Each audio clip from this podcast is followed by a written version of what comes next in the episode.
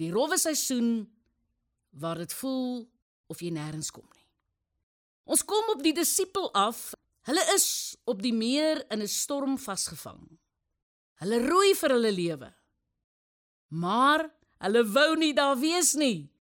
Hulle het net van tevore 'n ongelooflike wonderwerk beleef.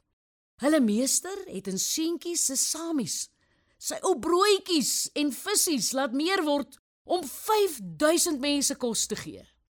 Die disippels was by en hulle het saam geëet. En natuurlik wou hulle nog bly. Jesus gee hulle 'n opdrag. Die King James vertaling stel dit sterk. Jesus constrained them. Jesus het hulle entoesiasme ingeperk. Hulle het nie 'n keuse gehad nie. Hulle moes in die boot klim en na die oorkant vaar. Hulle was nie net in die storm omdat hulle nie die weer gelees het nie. Nee, hulle was daar omdat hulle Here dit beveel het. Nou is hulle te midde van die storm en 'n vreeslike wind. Hulle is te diep die meer in en hulle kan nie omdraai nie. En so sukkel en roei hulle reg teen die wind in. Hulle kom nêrens nie. Heel nag moet hulle teen die wind bly roei en stoei. Jesus het agtergebly om alleen te bid. Nou kan 'n mens begin redeneer. Maar die Here het hierdie groepie volgelinge binne die storm geplaas. As God moes hy mos geweet het die storm is op pad.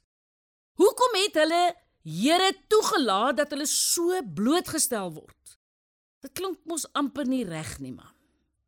Hier moet ons die drama verstaan.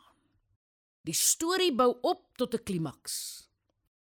Dis soos ons lewe as mense, maar ook as Jesus se volgelinge.